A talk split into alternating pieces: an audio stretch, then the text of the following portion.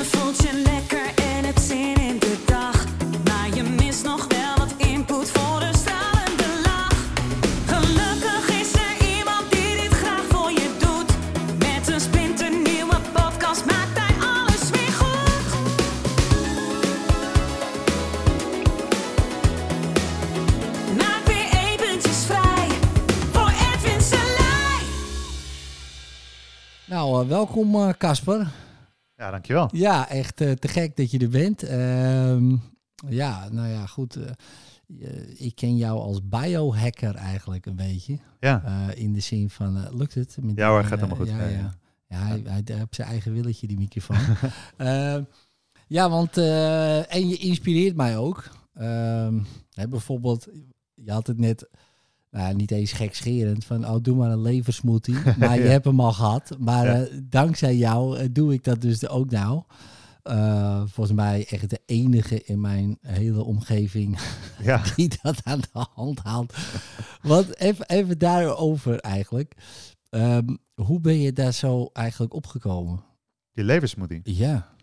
Nou, ik ben ehm ja, het hele carnivore gebeuren en orgaanvlees eten, dat is iets wat in de biohacking scene eigenlijk al, al een poosje wel speelt en zo. Ja. En ik was aan het kijken en ja, ik, eh, ik ben heel functioneel met eh, mijn voeding en dat soort dingen. Zo van whatever works. En eh, ik merk dat ik lever, als het gekookt is, vind ik het wel lekker als het klaargemaakt is. Maar dan verlies je gewoon heel veel van de, van de nutriënten eigenlijk. Eh, dus dan is rauw de manier. En ik vind het niet heel fijn mondgevoel, om het zo te zeggen. Ja, ja. En eh, alles wat je eraan doet maakt de smaak sterker, behalve eh, een bevroren lever invriezen. En ik heb, ehm, en het is wel heel grappig, want mensen vinden het heel vies, maar ik vind de gemiddelde groene smoothie veel viezer.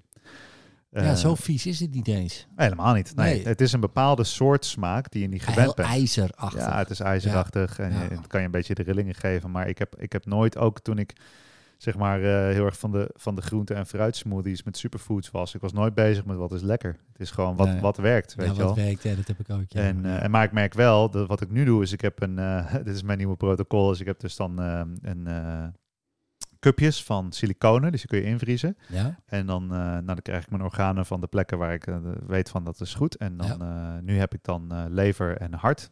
En Oh ja. dat vries ik dan in en dat is een cupje. En ik gooi die cupje, dat bevroren, in de blender. En nou, dan blend ik het en dan heb ik het meteen allemaal binnen. En dat heeft gewoon een minst sterke smaak. En nu ga ik daar nog wat andere, bij de volgende batch die ik ga invriezen, gooi ik wat nieren Oh. erbij en whatever ik nog kan krijgen. ja.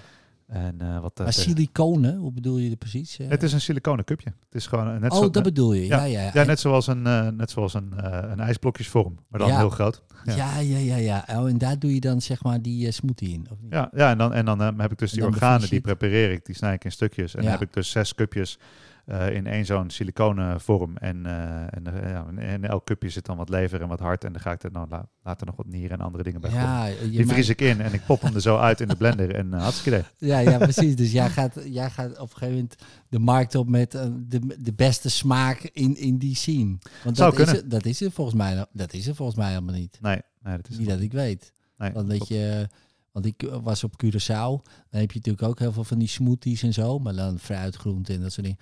Maar dat zijn gewoon echt die ingrediënten. Een beetje van eh, oregano en aardbei en dit en Ja. zus. En jij doet eigenlijk hetzelfde, maar dan een beetje nier, een beetje hart, een beetje... Ja. dat is fascinerend. Maar goed, eh, over de, de podcast. Ja, welkom. Eh, je doet natuurlijk nog veel meer. Daar gaan we het allemaal over hebben hoor. Je kan alles de- delen wat je wil. En als je Mm. wat kwijt wil, moet je het natuurlijk gewoon mij onderbreken en zeggen: ja, maar dit moeten we ook nog bespreken. Ehm, het is de Spiritualiteit de Spijkerbroek podcast. We zitten, nou ja, ik heb wel een korte spijkerbroek aan, maar het is bloedheet. Wanneer dit online komt, eh, weet ik niet, maar dan is het waarschijnlijk een stuk kouder eh, dan nu. Ehm, en ik heb één vraag voorbereid. En dat is, eh, wat betekent spiritualiteit voor jou? Dat is mooi, want ik had geanticipeerd dat jij die vraag voorbereid zou hebben. Heel intuïtief van mij. nee, spiritualiteit gaat voor mij over het grote mysterie, eigenlijk. De grote vraag, alles wat we niet weten. Alles wat we niet kunnen meten, niet kunnen... Niet kunnen ja, wat, wat minder tastbaar is, maar toch ergens waarneembaar. En het, ik vind het ook belangrijk om mezelf daaraan te herinneren en mensen eraan te herinneren dat spiritualiteit uiteindelijk over het mysterie gaat ook het christendom en alle grote religies zijn begonnen vanuit mysticisme. En mysticisme gaat Ja. over de vraag van wat is, het, wat is het grote ding wat we allemaal niet zien en niet meekrijgen. En de reden dat ik op die manier op focus, is omdat ik gewoon heel veel mensen zie die spiritualiteit gebruiken als een manier om alles in te vullen met antwoorden. Oh ja, dat is ook mooi. Ja. Dat is eigenlijk waar vaak de vraag verloren gaat. Hm. En je komt heel veel mensen tegen, en dat vind ik mooi ook van die uitnodiging. Hè, van, je zoekt naar hele geaarde mensen, spiritualiteit en spijkerbroek, om dat thema te bespreken. Ja, want je ja, komt ja. al heel snel mensen tegen die, ja, die hebben een hele spirituele riedeltje gedaan en alle boeken gelezen en de opleiding gedaan en alle chakras uitgelijnd en weet ik veel wat. En eh, die hebben overal een invulling voor. Ja. En ehm, het is een mooi voorbeeld. Mijn, mijn moeder die is eh, sinds ehm, vier weken met pensioen. Vijf, vijf, zes weken nu. Maar drie weken na haar pensioen viel ze. En eh, brak ze de armen uit zijn hersenschudding. En, en dan komen er dus mensen over de vloer die zeggen van... Oh, misschien is dit dan het leven dat je vertelt om even pauze te nemen, weet je wel. En dan meteen dan te willen invullen. Ik denk van ja, rot op, dus geen pauze. Ik zit thuis met pijn, weet je wel. Ja, Slaat ja, maar nergens op.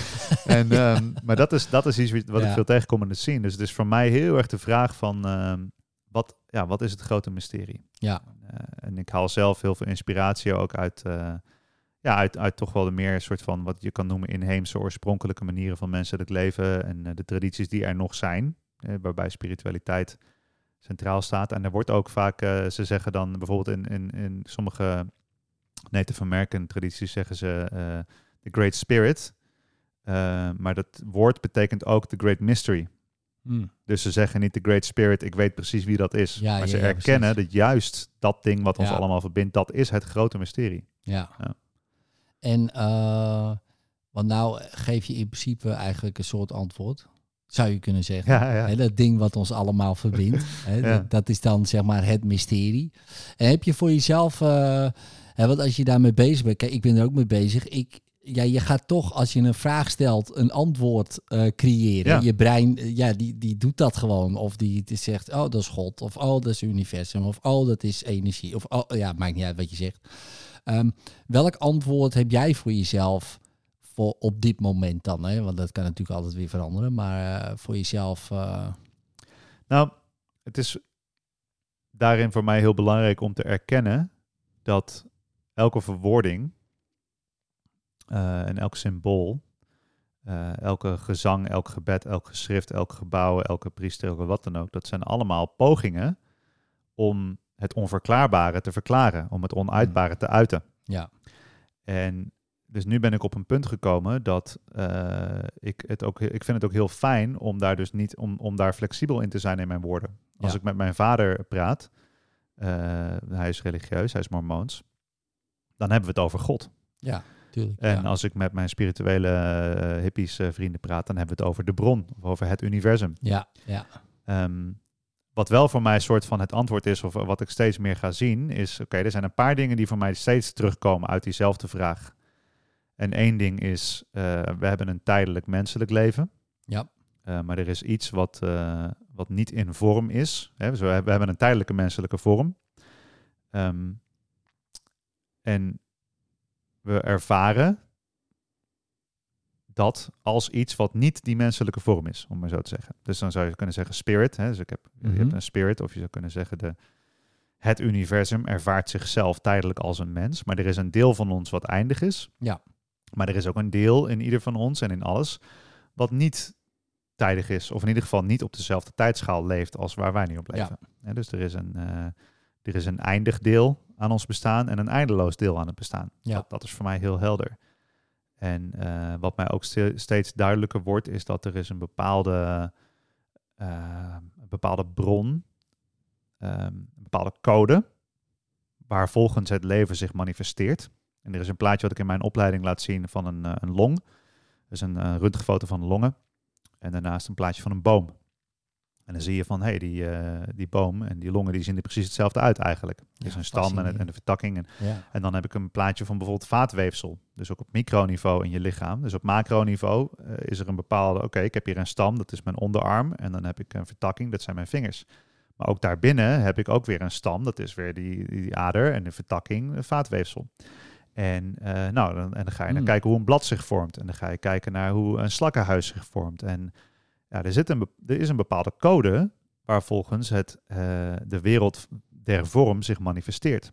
En dan laat ik die zo zien en dan denk je van oké, maar goed, dit zijn eh, levende wezens en die hebben een genetische bron. En ik ben eh, van oorsprong biologiedocent en ik, Ja. de- ik denk dat het spirituele allemaal te vinden is in materie, in het biologische, in het Hmm. wezenlijke. Want dat is eruit ontstaan in mijn Ja, opvatting. ja. En dat is het mooie, want dan laat ik bijvoorbeeld zien nog een ander plaatje. En dan kan je niet meteen opmaken wat het precies is. Maar dat is een rivierdelta. En dat ziet er precies hetzelfde uit. Dus dat is een rivierdelta, is iets zonder een genetische code. Ja. Maar toch, als je dus water van, van een bergje af laat stromen en je ziet een luchtfoto van een rivierdelta, dan zie je exact dezelfde gedrag in de vertakkingen die je ziet in je eigen bloedvaten en in je long en in een boom en in een blaadje. En ook zelfs in, in de manier waarop bijvoorbeeld luchtfoto's van hoe, eh, hoe eh, de paden die door dieren belopen worden in de, in de natuur, die zich ook zo uiten. En, en het mooie is dat dit is ook, ja, dit is allemaal, er zijn allemaal wetenschappelijke modellen voor om dat te verklaren. Zoals Ja. bijvoorbeeld de gouden, de, de gulden snede, Ja. de golden ratio en eh, nou, je hebt bepaalde geometrische patronen. Eh, en dan zie je van, oh ja, er is dus een bepaald gedrag wat materie heeft. Er zijn bepaalde natuurwetten. En nou was dat altijd voor mij de reden om atheïstisch te zijn. Van luister, hey, dit zijn gewoon wetten. Ja, Het is gewoon weten, kan je gewoon zo. uitmeten Ja, ja, en zo werkt dat gewoon. Dat is gewoon hoe de wereld werkt. is het, ja. En, eh, en zo zijn wij eh, langzamerhand tot uiting gekomen uit al die willekeurige, al die duizenden verbindingen, al die pogingen, evolutionaire pogingen, die zijn allemaal gebeurd. En nou, daar zijn we uitgekomen. Ik vol, leef volgens deze genetische code en op den duur dan eh, loopt mijn tijdige leven af. En nou, als ik me voortgeplant heb, dan loopt mijn genetische code gaat door en anders niet. En that's it. Ja. Ehm, en daar sta ik nog steeds voor open hoor. Daar sta Ja. ik nog steeds voor open. Maar wat Ja, ik wel zeker, begin te zien, is dat ik, ik, of het te zien, ja, ik krijg vaak te zien, te horen, te voelen in mijn verschillende eh, spirituele beoefeningen dat die code, daar zit iets achter. En dan kan je zeggen, dat kan je noemen een intelligentie. Er is iets wat het allemaal bedenkt. Eh, een wezen, een entiteit, die niet ons is, die dat stuurt. Mhm. Nou, dat, dat is dan meer een soort van, dan ga je meer naar een soort van, ja, hoe, hoe heel veel religies er naar kijken. Maar goed, als het dat ene ding is wat dat allemaal doet en alles is daarvan gemaakt, dan kan het ook eigenlijk niet anders zijn dat wij dat zijn. Ja. Dat is een beetje raar om te zeggen van ja, de boom maakt het blaadje. Ja, dat, dat klopt volgens mij niet. Want dat is wanneer is, eh, weet je wel, dan heb je dat Ja. vraagstuk weer. Van Ja. ja. ja, of ik eet een appel, wanneer is die appel nog een appel en wanneer wordt die mij? Ja, En, Ja, en als je, als je dat draadje blijft volgen, dan was ik ooit iets anders dan die appel. ja weet je wel? klopt. Ja, precies. Ja. Dus dat, dat vind ik, dat zijn de leuk, dat, dat, zijn de dingen waar, waarbij mijn brein eigenlijk op zichzelf instort en weer vijf nieuwe vragen vindt. En dat is waar het voor Mm. mij over gaat. Maar het is wel, bepaalde dingen komen wel steeds terug. Bijvoorbeeld dat er is dus iets wat zich aan het uiten is via die code. Dus er is achter die laag van de wereld van vorm en natuurwetten, eh, dat, is, dat lijkt geboren, gevormd, ontstaan te zijn, gecreëerd te zijn misschien, vanuit iets wat daar weer onder ligt. En dan, dat kun je, ja, dat noem ik dan vaak bewustzijn, of dat noem ik eh, spirit, of dat noem ik dan God. De laatste tijd sta ik er steeds meer voor open Ja. eh, dat ik mijn atheïsme loslaat en dat Ja. ik het gewoon God noem, om Ja, het makkelijk te maken. Ja, Weet je wel. ja, ja, precies. Ja, Ja. ja Dus- interessant. Ja. Ja. zo had ik het nog nooit bekeken, man. Ja. En dan vind ik het leuk dat je, dat, dat je me. eh, het- ik ben eigenlijk heel erg actief nee aan het zeggen op, eh, tegen interviews. Sorry, alle andere interviewers die luisteren, maar ik heb gewoon geen. eh, heel weinig tijd. Maar ik zei al tegen jou: van dit is mijn favoriete onderwerp waar ik nooit echt over kan uitwijken. Ja, ja, ja, precies. Ja, ja, ja. Hebben ja, altijd van deze tip om beter te slapen. Ja. En die tip om anders te eten. Zeg, ja, oké.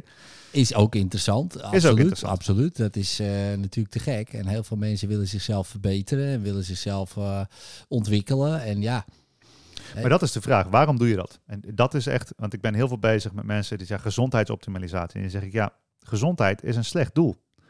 Want je raakt het gegarandeerd kwijt. Ja. Dus het is heel vreemd Ja, om je ja, hele leven een doel na te jagen. En, en ik vergelijk dat dan met geld, status, aanzien, een chique auto, mooie spullen najagen. En dan zeg ik van, wat nou als je gezondheid in dat rijtje zet?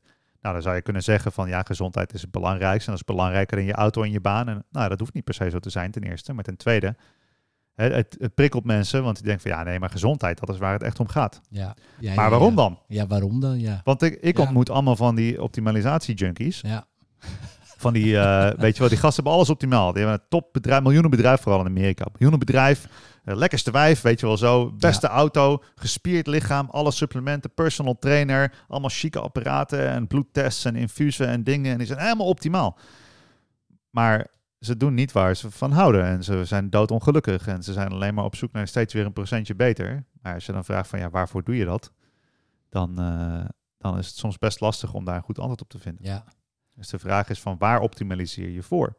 Dus wa- waar, waar, waar gebruik, zet je die gezondheid voor in? Ik denk dat, dat dat is, wat mij betreft, een van de grootste centrale vragen van spiritualiteit. En, en waar zet jij het voor in, voor jezelf? Ik, ehm, ik heb een, een duidelijke missie. Of duidelijk, het is lastig om in woorden te brengen, maar er is een bepaald. ehm, ik heb zelf heel sterk de ervaring en ook wel de overtuiging steeds meer dat, eh, dat er een be- bepaalde soort werk is wat ik hier kom doen. Ja. Eh, en, en, en, en het deel van mij wat niet eh, eindig is, hè, dus het oneindige deel van mij, hè, mijn, mijn ziel, om maar even Mhm. zo te noemen, die heeft hier wat te doen en die heeft hier wat te leren. En dat doen en het leren is wat mij betreft hetzelfde. En ik zie ook dat het voor mij persoonlijk is het doen een heel belangrijk deel van mijn spirituele reis. Oh ja. Dus voor mij is het, eh, het in, in het Hindoeïsme noemen ze dat bijvoorbeeld karma yoga. Dus de, de, de yoga, de beoefening, de levensuiting van de actie. Van het bewerkstelligen van, van zeg maar echte wereldlijke manifestaties. Ja, ja. Dingen voor je shit gedaan krijgen. Zeg maar. Ja, ja. En ja, ik begeef me in het soort werk, hè, wat, wat jij ook eh, eigenlijk dezelfde, dezelfde pad, maar via een andere, andere manier. Waarbij mensen op een bepaalde mani- manier leven, eh, eh, daarin vastlopen, in hun eigen verhalen verwikkeld raken, eh, fysiek ongezond zijn. Of ja, op de een of andere manier niet het gevoel hebben van ik zit niet op mijn plek. En al mijn werk en alle dingen die ik doe, die gaan erover dat ja, om mensen te helpen om, hun, om, om een stap te maken in hun bewustzijn, het te verruimen, te vergroten, te verbreden, te verdiepen, wat dan ook, waardoor ze op een andere manier gaan leven. En daardoor uit een bepaalde overlevingsstand komen. En wat, wat, ik, wat mijn grote inspiratiebron is, wat zeg maar de spirituele fuel is, is wat ik zelf ook doe, is dat je zit in je shit. Je komt daar op den duur uit. Je, je kijkt met je hoofd net boven de frequentie van overleving uit. En dan zeg je, hé, hey, waar kan ik het leven iets mooier gaan maken? En opeens heb je de behoefte om eh troep op te rapen van straat. Of je hebt opeens de tijd en de ruimte om je buurman te helpen oversteken. Of, eh, of om iets aardigs voor iemand anders te doen, om Ja. het door te geven. Ja. Waardoor iemand anders ook weer in staat gesteld wordt om, om net iets anders eh, erin te staan.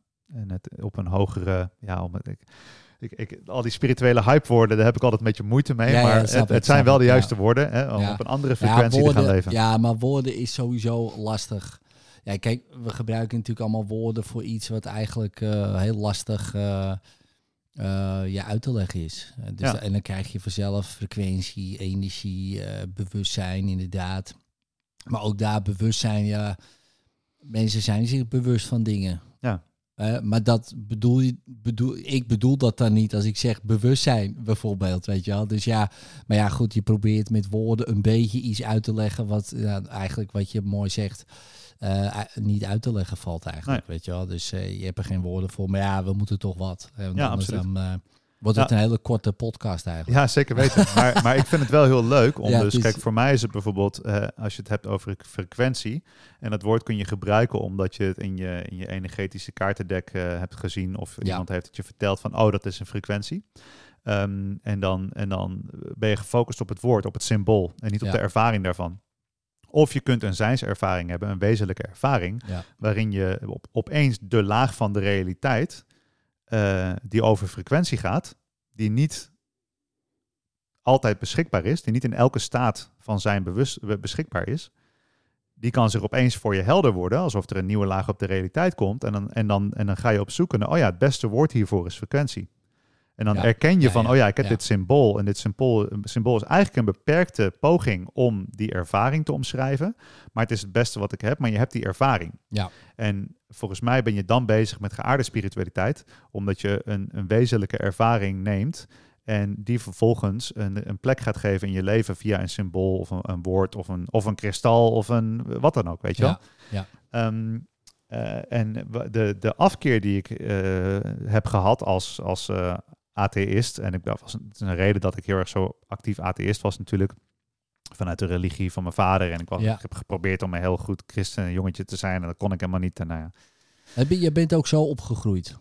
Die, Nou, eh, in dat mormoons. in zekere wat is, zin wat wel. Is dat, wat is dat ook? eh, Wat is dat precies? Uh, mormoons? Nou de- ja, het is, een, het is een vorm van christendom. Oh ja. Eh, het is een hele nieuwe, een hele populaire ook. Eh, en ze hebben hun eigen geschrift. Eh, een ja, geschrift ja, dat, ja. eh, dat ontstaan en omschreven eh, of, of zeg maar geboren is of gekanaliseerd is in Amerika. Niet heel lang geleden. Het is heel nieuw en het voegt zeg maar een geschrift toe aan de Bijbel. Hmm. Eh, ja, en ze hebben hun eigen systeempje van eh, waar je heen gaat als je doodgaat en eh, hoe je dient te leven en dat oh soort ja, dingen. ja, ja. En ehm, ik ben daar, eh, mijn, vader, dus mijn ouders zijn gescheiden en mijn vader eh, toen ik heel jong was en mijn vader die, eh, die is, is toen in die tijd ook in de kerk gestapt en die heeft zich zeg maar zo bekeerd. En het is voor hem een hele grote redding geweest. En ik heb ook heel veel respect voor hoe hij zijn, ehm, zijn geloof beleidt, om het maar zo te zeggen. Hij heeft een hele inclusieve vorm van geloofsbeleidenis die heel open-minded is. En ik vind het fantastisch om met hem erover te spreken. Ehm, en het is ook heel mooi dat ik nu in een fase ben van mijn leven dat ik een echt diep gesprek kan hebben over God Ja. met mijn vader. en dat hij volledig kan spreken binnen zijn kaders van religie en ik binnen mijn kaders van spiritualiteit. En dat we elkaar op heel veel vlakken kunnen vinden. Dus het- met alle respect, om even zo te zeggen. Maar er waren wel bepaalde dingen eh, die voor mij heel duidelijk het niet waren. Ik ben ook heel dankbaar voor dat ik daarmee, hè, dat Ja. ik heel duidelijk dat het echt niet met mij eh, stookte. Bijvoorbeeld het, het, het concept, je hebt een oneindige ziel en dit, dit ene menselijke leven bepaalt hoe je je oneindige zielsleven leeft. ja, ja, ja. Ja. Nou, en daar kreeg ik een partij stress van als kind. Ja, ja, dat snap ik. Dat is katholiek ook, weet je Ja. wel. En dat is protestant ook. En dat is eigenlijk een beetje, ja, dat Ja. hele christendom. Ik ben katholiek opgevoed. Ja, dat is hetzelfde idee. En, en dus ook de, ver- de grote vereffening. Hè? Dus er komt een afrekening. Ja. Er wordt een rekening bijgehouden. Het enige met katholieken is dat je op het eind van je leven nog eh, een paar wezen groetjes kan doen. En eh, onze vadertjes, en dan ben je clear. Ja, je daarom hebben de, clear voor de go, zeg maar. Ja, het slaat helemaal maar je kan aan de aanwezigheid van de katholieke kerk ook zien dat zij wel het beste schaalbare businessmodel hebben. Zeker, Als, als zeker. zakenman kijk ik ernaar van, ja, dat hebben ze goed ik gedaan. denk dat dat een geloof is wat heel handig werkt, ja. Want je kan er eigenlijk overal mee wegkomen. Ja. En dat doen ze dan ook. Ja, en het speelt dus prachtig mogelijk. in op de menselijke behoefte om, Ja. eh, om het goed te maken. Ja, ja. En, ehm, ja, en, en daarbij is natuurlijk inderdaad net zoals in, vooral in het katholicisme, maar in alle religies is het heel duidelijk dat gewone mensen daarmee hele grote hoeveelheden status en macht eh, verzamelen, die uiteindelijk in heel veel gevallen leiden tot corruptie. Eh, Ja. En dat is een reden En dat, dat is gebeurd. dat is gebeurd in Ja. elke religie. Ja, Ja. absoluut. En, maar dat zie je ook in de spirituele scene van eh, Ook, gurus en yogis en zogenaamd verlichte wezens die allemaal uiteindelijk verschrikkelijke dingen doen. Ja, dus dat is wel heel interessant dat spiritualiteit eh, geen, ehm, eh, niet per se moraliteit creëert. En dat is een fascinerend iets in het menselijk wezen. Nee, maar ja, het ego. eh, ik las een keer ergens in een boek van Jet McKenna. Ja, de wereld van Maya heeft vele kamers en vele gevangenissen. Mhm. En eh, ja, ga je van de ene kamer naar de andere. Zo, oh ja, ik ben, ik ben nu verlicht. Maar ja, wie, wie is dit ik? Ja, het is gewoon je ego die zegt, ja, wij zijn verlicht, eh, ladies and gentlemen. ja, precies. en dan gaan we dat uiten. Ja. Maar in principe, eh, je zou kunnen zeggen, het bewustzijn wat natuurlijk alles bijvoorbeeld creëert of initieert of hè, de code geeft aan de materie of wat dan. Je zou kunnen zeggen, die is al verleerd. Dus je hoeft helemaal niet dat te worden. En het ego kan nooit verlicht worden. Maar die kan er wel een loopje mee nemen. Die kan Absoluut. wel zeggen, hé, maar ik wel hè. Want ik, Ja. en net als de paus bijvoorbeeld, ik ben de enige met een lijntje naar God. Ja. Nou, dan kijk ik naar die man en denk, nou, als jij de enige bent met het lijntje, prima, laat je, laat- ga jij dan lekker met hem eh, aan de gang. Ja. Ja, dat is fascinerend natuurlijk. Terwijl we allemaal, eh, zou je kunnen zeggen, dat lijntje hebben. En allemaal uit die... Ja, ik vind het wel echt mooi wat je zei over die code. Als je dat in alles terugziet, ja, dat... dat ja, dat maar dat is leuk, want dat is je toegang. Dat is je toegang naar God, als, je, als we het even zo willen noemen. Ja, En, en het idee is juist ook vanuit hoe ik daarnaar kijk. En ik denk dat alle, alle re- religieuze en spirituele geschriften en, eh, en stromingen die ik bestudeer, waar ik toch best wel veel, ja, altijd veel tijd aan heb besteed, veel filosofieën bekeken en zo, maar altijd heel erg in gefascineerd. Is het, het is altijd begonnen met het idee dat je zelf die toegang hebt. Ja. En dat jouw geloofsbeleidenis, hoe je het ook doet, ehm, een manier is om daar eh, bij te komen. Om uit de illusie van het ego te komen. En het Ja. ego is ook weer zo'n hype woord, maar de illusie van... eh, en ik zie dat vooral, het ego functioneert vooral op de frequentie van overleving. Ja, ja, ja. dat is Ehm, een prima mechanisme voor deze absoluut. wereld natuurlijk. Fantastisch. eh, en het is heel praktisch. Ehm, en wat, ja, wat mij dus ook helder is, is dat het, ik, ik geloof wel, eh, of ik zie, dat het grote werk wat ik hier te doen heb, waar ik gewoon een klein, een klein nederig poppetje in ben, maar waar jij ook een deel van uitmaakt. En de mensen die we opleiden en de mensen die ons opleiden. En Ja, zeker. Die- die ja, hele groep iedereen, mensen. Iedereen, ja. er is natuurlijk iets, iets gaande waarin er, eh, de, de mens zich heeft ontwikkeld tot structuren waarin kleine organisaties en groepen mensen een eh, uitzonderlijk hoge hoeveelheid macht kunnen hebben over het grootste deel van de bevolking. Ja, fascinerend. En dat ja. is in alle opzichten is dat te zien. Of dat nou is de katholieke kerk, waar het heel duidelijk is, of de regeringen, of de rijkste mensen, of de social media. En je, je- dan kan je helemaal conspiracy hoekje ingaan en zeggen van het zijn Ja. de shapeshifting lizards Maar en de dat, wereld is, is maar dat is altijd zo geweest. Eh, En dat is Caesar, altijd zo geweest, Caesar had ook alle macht eh, in Ja. het Romeinse Rijk. Ja, maar dat is wel, dat is wel, eh, volgens mij is het niet altijd zo geweest. Maar het is Nee, een, van, een van de grote klopt. valkuilen van het Klopt. menselijk zijn. Dat is waar, ja. Die onder, onder invloed van, de, van het groeien van het Ja. mens zijn, is dat erin gesloten. Ja, En, dat en wat mij betreft is het volgens mij, en ik ben me best wel voor het eerst in mijn leven ook heel erg aan het verdiepen in, in geschiedenis en hoe eh, ja, het ik ontstaan van toevallig ook. Dus, maatschappijen. dus ja, ik ook, ja. Dat je ziet van, hé, maar wacht eens even, dat is, dat is eigenlijk een innovatie. Het hele model van, Ja. wij praten wel met God voor jou, wij regelen wel, eh, en het, Ja. het bevredigt natuurlijk een behoefte. Ja. Want ja, eh, niemand heeft zin om al zijn eigen shit te regelen. Ik, heb, ik betaal liever belasting aan die persoon en die regelt dat ik wat graan, graan krijg en dat er mijn land niet ingevallen wordt en, en eh, dat er geen oorlog is. En eh, nou, dan doen we dat zo. En eh, dus het speelt ook in op een behoefte. Maar wat ik nu ja, heel mooi vind bijvoorbeeld om te zien, ik, ik haal heel veel van mijn inspiratie op spiritueel niveau uit het werken met, met plantmedicijnen, paddenstoelen en dit soort dingen. Dat is voor mij echt een duidelijke toegang. Eentje die ik ook zie als volkomen natuurlijk. Ehm, en er is nu bijvoorbeeld, dit, is iets, ik ben opgevoed met dit bewustzijn, want mijn opa die, die deed onderzoek naar kruidenvrouwtjes, hè, wat ze dus Oh, ja. noemen. Dus mijn opa Ja. die was medisch arts, eh, maar die heeft ook in de tropen gewerkt als tropenarts met een inheemse stammen. Hij was in heel veel gevallen in Papua Nieuw-Guinea toen dat eh, nog een stukje Nederland was, om maar zo te zeggen. Ehm, dat hij eerste contact maakte met stammen en heel veel oorspronkelijk levende mensen heeft Hmm. gezien. En dat hij in zijn artsenpraktijk ook al allerlei kruidengeneeskunde erin integreerde en zo. En het was toen eigenlijk nog best normaal. En nu is het heel soort van revolutionair als je medisch opgeleid arts en homeopaat was. Eh, en als ik mensen vertel dat mijn opa dat deed, oh toen al, wat revolutionair. Maar toen was het eigenlijk nog best normaal. Ja, Oh, hey, whatever works. Of het nou een kruid is uit mijn eigen tuin of een pilletje uit de fabriek, als het maar werkt, weet je wel. En hij deed dus heel veel onderzoek van waar is eigenlijk onze inheemse, inheemse wijsheid eh, gebleven. En ehm, ja, hij heeft heel veel onderzoek gedaan naar de heksenjacht en eh, een heel manuscript geschreven wat uiteindelijk verloren is gegaan. En toen heeft hij een hersenbloeding gehad en is hij overleden. Dus dat, die body of work die is een beetje weg. Maar ik ben wel daarmee opgevoed met, eh, er, er- we wisten veel meer als mens ja. het, het volk. Het is niet per se de vrouw die onderdrukt is toen de heksen verbrand werden. Nee, het is de, de bevolking. Hè, met het onderdrukken van alle, hè, 99% van de vrouwen onderdruk je 99% van de bevolking. Want we staan er toch echt samen in. Ja. En, eh, en die vrouwen, die, eh, ja, die stonden... en er is nu heel veel bewijs voor. Steeds meer bewijs, omdat ook de katholieke kerk steeds meer van hun, van hun eh, archieven en zo openbaar moeten maken. Waar gewoon ja, een, een heel sterk gecoördineerde poging eh, aan het licht komt om ehm, alle inheemse wijsheid en alle toegang die mensen zelf tot God hebben, om dat uit te bannen. En dat Ja. waren vrouwen die dat deden, want die waren de medicijnvrouwen en die wisten precies welke paddenstoel je met welke plant moest eh, mengen om eh, eventjes helemaal los te komen van eh, je menselijke vorm. Om een gesprek met God te kunnen voeren. Ja, in en een totaal andere staat van bewustzijn. En da- ja, hallo, wacht Nee, even. dat kan niet. jongen. Eh, Een ja. vrouw met macht alleen in het bos. Oh mijn god. En die laat mij, jou met God praten. Dat is ons Ja. businessmodel, weet je wel. Dat moeten we niet hebben. Nee. Oh mijn hemel. Het is grappig wat je zegt. Want ik heb veel Je- Jehovah's aan de deur gehad. En daar hou ik altijd wel van. Eh, en dan, eh, ze komen daar niet meer, want eh, het duurt ze altijd te lang.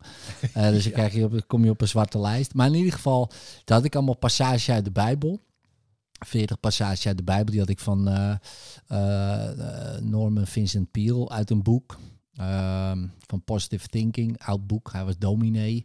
En hij had allemaal passages uit de Bijbel die je moed, hoop en kracht geven. En een van die passages, Lucas eh, 17, 21, was het koninkrijk God is binnen in u, Mm. zegt Jezus.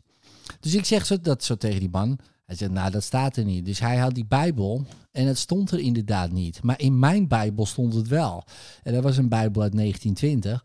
Ja, nee, maar dat is dan de verkeerde vertaling geweest, weet je wel. Ik denk, Ja. mijn hemel. Dus, dus toen hij het opschreef in de jaren 50 stond het er nog wel zo in. Ik had nog een hele oude Bijbel van eh, mijn vrouw, eh, eh, haar opa. Daar stond het ook in.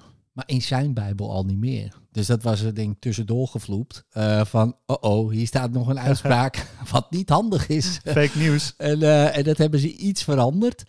Dat, je, ehm, ja, dat het niet meer natuurlijk, dat jij dat kan vinden. Want ik zei tegen je, ja, maar als het binnen in mij is, dan hoef ik er niet naar jou toe. Nee, nee, maar zo wordt het niet bedoeld. Nou, je kent het hele riedeltje dan natuurlijk wel.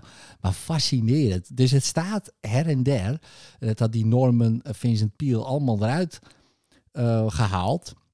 En dan ging dat tegen die Jehovah. Ik zeg, nou, ik heb een passage uit de Bijbel. Oh, leuk, leuk. Ik wil even met, want jullie zijn echt heel echt Bijbelkenners. Nou, de beste Bijbelkenner, zeg maar.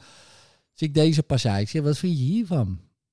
Eh, ja, ja, ja, ja, ja, dat is maar net hoe je het interpreteert. Nou, zo, heel veel. Maar ik zeg, ik heb er nog 39. Dus Heb je heb je, op een gegeven moment ging hij dan weer weg, kwam hij weer terug met nog iemand anders.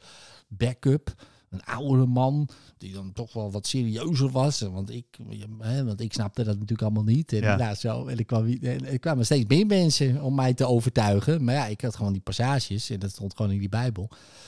Maar dan zie je dus inderdaad wat je zegt, dat, dat per vertaling halen ze al die dingetjes eruit die maar iets van Ja. kracht aan jou gaan geven, weet je wel. Van, oh ja, je, je kan het eigenlijk zelf wel. Het is natuurlijk ook zo. Je kan, en natuurlijk hebben we ook wel hulp nodig soms. Hè, van iemand, een inzicht of een boek. Of eh, je, je komt iemand tegen of een ervaring of wat dan ook. Maar uiteindelijk gaat het natuurlijk altijd om dat jij krijgt die ervaring. Jij wordt geholpen om dat boek te lezen. Of, of hoe je het ook noemt. Ik noem dat dan, je wordt geholpen om iets nou ja, te krijgen. Of eh, Ja. iemand op je pad of wat dan ook. Dat wordt eigenlijk, ja, en jij zegt het wel mooi. Ik zie dat als een code van, oké, jij gaat ietsje van je padje af. Oké, we zetten hier eh, Henk neer. En Henk die zal wel even zeggen, hey, weet je, heb je het boek al eens een keer gelezen? Ja. Een boek al gelezen, boek. Ja, moet je eens doen. En je leest één bladzijde denk je, mijn god, dan moet, hup, en je zit weer op zo'n pad. Ja, het is fascinerend als je dat in achteraf vaak, Ja. al die punten. ehm, want ik heb in de bouw gewerkt en ik had daar een Henk, ook in de keet. En die Henk, eh, zonder dat hij het echt weet, alhoewel ik heb het denk ik wel verteld aan hem, eh, heeft hij me heel erg geholpen. Met heel veel verschillende dingen. Eh, al één ding dat ik ondernemer ben geworden. Mm. Als ik hem niet had ontmoet, was ik dat nooit gaan doen. Dus, dus ook daarin, achteraf, denk ik, ja, stel je voor, die man die was niet, had ik niet mee gewerkt. Ja, Ja. maar ja, dat is niet gebeurd natuurlijk. Maar, maar allemaal van dat soort punten, denk ik, ja, dat, dat, dat zit gewoon in dat DNA. Dat, dat kan niet anders. Absoluut. Nou, en ik denk ook dat dat eh, voor mij, als ik een antwoord moet geven van wat, waarom zijn we hier? Waar is het allemaal voor? Eh, de, de grote vraag, het grote mysterie. Ik kom steeds terug bij een gevoel van dit is een, een poging. Eh, je kan het zeggen van God om, om zichzelf te leren kennen. Ja, om jezelf dat vind ik wel mooi, ja. kijk, en dat vind ik trouwens met de Jehovah's wel grappig. Wat ik, eh, mijn, mijn, mijn trucje daarvoor is. eh, ik, ik had een keer zo iemand aan de deur en ik vroeg van. eh, ik zei tegen hem van wat is eigenlijk jouw. Hè, wat, jouw, jouw doel is eigenlijk dat wij nu met elkaar gaan praten. En dat laten we zeggen over een half uur. Dat ik totaal anders in het leven sta. Dat ik alles wat ik geloof over de aard van het bestaan en zo. Dat ik dat helemaal herzie. En dat ik een totaal nieuwe waarheid eigenlijk inzie. En dat hij zei, ja, de waarheid. Ja, oké, oké, maar voor mij dus een nieuwe waarheid. En toen zei, vroeg ik hem van, wat is dan de kans dat wij nu een gesprek ingaan en dat jij over een half uur alles wat je ooit hebt geloofd en alles wat je denkt dat echt is, totaal anders is? Zei, nee, nee, dat kan niet, want ik heb al de waarheid. Ik zei, dan ga ik niet met jou praten. Want ik ga natuurlijk, ik wil wel gelijke inzet. We kunnen het gesprek gaan voeren en ik wil inzetten dat er een kans bestaat dat ik na, na dit gesprek met jou totaal anders iets geloof over het leven. Maar dan wil ik wel dat jij dat met mij meegaat op die inzet. Nee, dat gaan we niet doen. Ik zei, oké, later. ja, is- Toen was hij al. Dat is wel En eh, dat is goeie. eerlijk, weet je. Dan, Ja, dan denk ik van, oké, let's go. Dat Ja, vind ik mooi. dan, dat vind ik ook mooi, ja. En, eh, maar goed, kijk, wat ik leuk vind om daarover na te denken, van oké, dus we- je hebt de wereld van vorm en die vormt zich volgens een bepaalde code en dus er is een bepaalde wetmatigheid en Ja. ik zie de basis van de wetmatigheid is de polariteit. En de, de essentie van polariteit is je hebt het een en je hebt het ander. Ja. Dat, is het, het- dat is het yin-yang principe. Ja. Dus kijk, laten we zeggen je hebt God of het oneindige bewustzijn of de bron of hoe je het ook wil noemen. En die is in zichzelf volmaakt. Dat is wat Ja. we leren, want die is al verlicht en die, Ja. heeft al, die weet alles al. Dat is het, ja. Maar tegelijkertijd, waarom zou die dan iets, iets maken? Waarom zou die iets doen? Want, want uiteindelijk heeft het één, de ene one true God, de ene energie, het bewustzijn, het, het al, heeft besloten om het ander te maken. Ja. Heeft hij ergens gedaan. Hij of zij of ja, hè, dit Ja. is natuurlijk ook, dit is die entiteit of wat het ook is, is voor polariteit. Dus er is geen hij of zij. Dat is ook Ja. leuk van als mensen vragen van is God een man of een vrouw. Ja, eh, dat, dat wezen bestaat voor Ja. de polariteit. Dus maar goed, je had dan dat, dat één. En dat één heeft toen het ander gecreëerd. Oké, dan heb je relativiteit en polariteit. Nou, alle natuurwetten komen voort uit eh, relativiteit en polariteit. Dus dat is dan de fabric van het bestaan. Oké, cool. Ehm, maar waarom zou die, dat, die entiteit dat gedaan hebben? Nou ja, om, misschien om zichzelf te leren kennen. Om zichzelf dus Ja. te leren kennen in relatie tot het ander. Waardoor dus al die vertakkingen, dus die code die is zo prachtig gemaakt, want die kan alle kanten op gaan. Je kan er eindeloze veel willekeur op, op afgooien en er ontstaat weer iets anders. Ja. Eindeloze sterrenstelsels eh, in de macro en eindeloze microwezentjes. Alleen al wat er hier onder onze, onder onze voeten beweegt is- de grond. Dat is, dat is eh, Eindeloze complexiteit. Ongelooflijk, ja. En in mijn ervaring, of hoe ik dat zie, is dat elke, elke levensvorm, en da- daartoe reken ik ook de stenen en de rotsen en de, en de wind en alles, heeft, is dus een deel van dat grote web van dingen. En, eh, ja, en, en elke. ehm, en het zijn allemaal pogingen, het zijn allemaal uitkristalliseringen, allemaal manifestaties van. Dus het is allemaal een variant, een versie van dat één. Ja. Van bijvoorbeeld God, die zich Ja. uiten. En hier, kijk, hier kent God zichzelf als een steen. Ja. En hier heeft God, eh, God via deze code en al die andere is, het, is dit eruit gekomen. Een konijntje of weet ik veel wat. En, ehm, en ik denk dat wij op dit moment op aarde een soort van, eh, laten we zeggen, de, de, de hoogst ontwikkelde poging zijn tot eh, het kunnen kennen van zichzelf. Want wij kunnen dit gesprek voeren. Ja. Wij kunnen ons afvragen wie is God, wie ben ik, wat is mijn ego. We kunnen Klopt. onszelf ontleden. Ja. Dus we hebben nu 6 miljard mensen op de aarde. En dat zijn allemaal.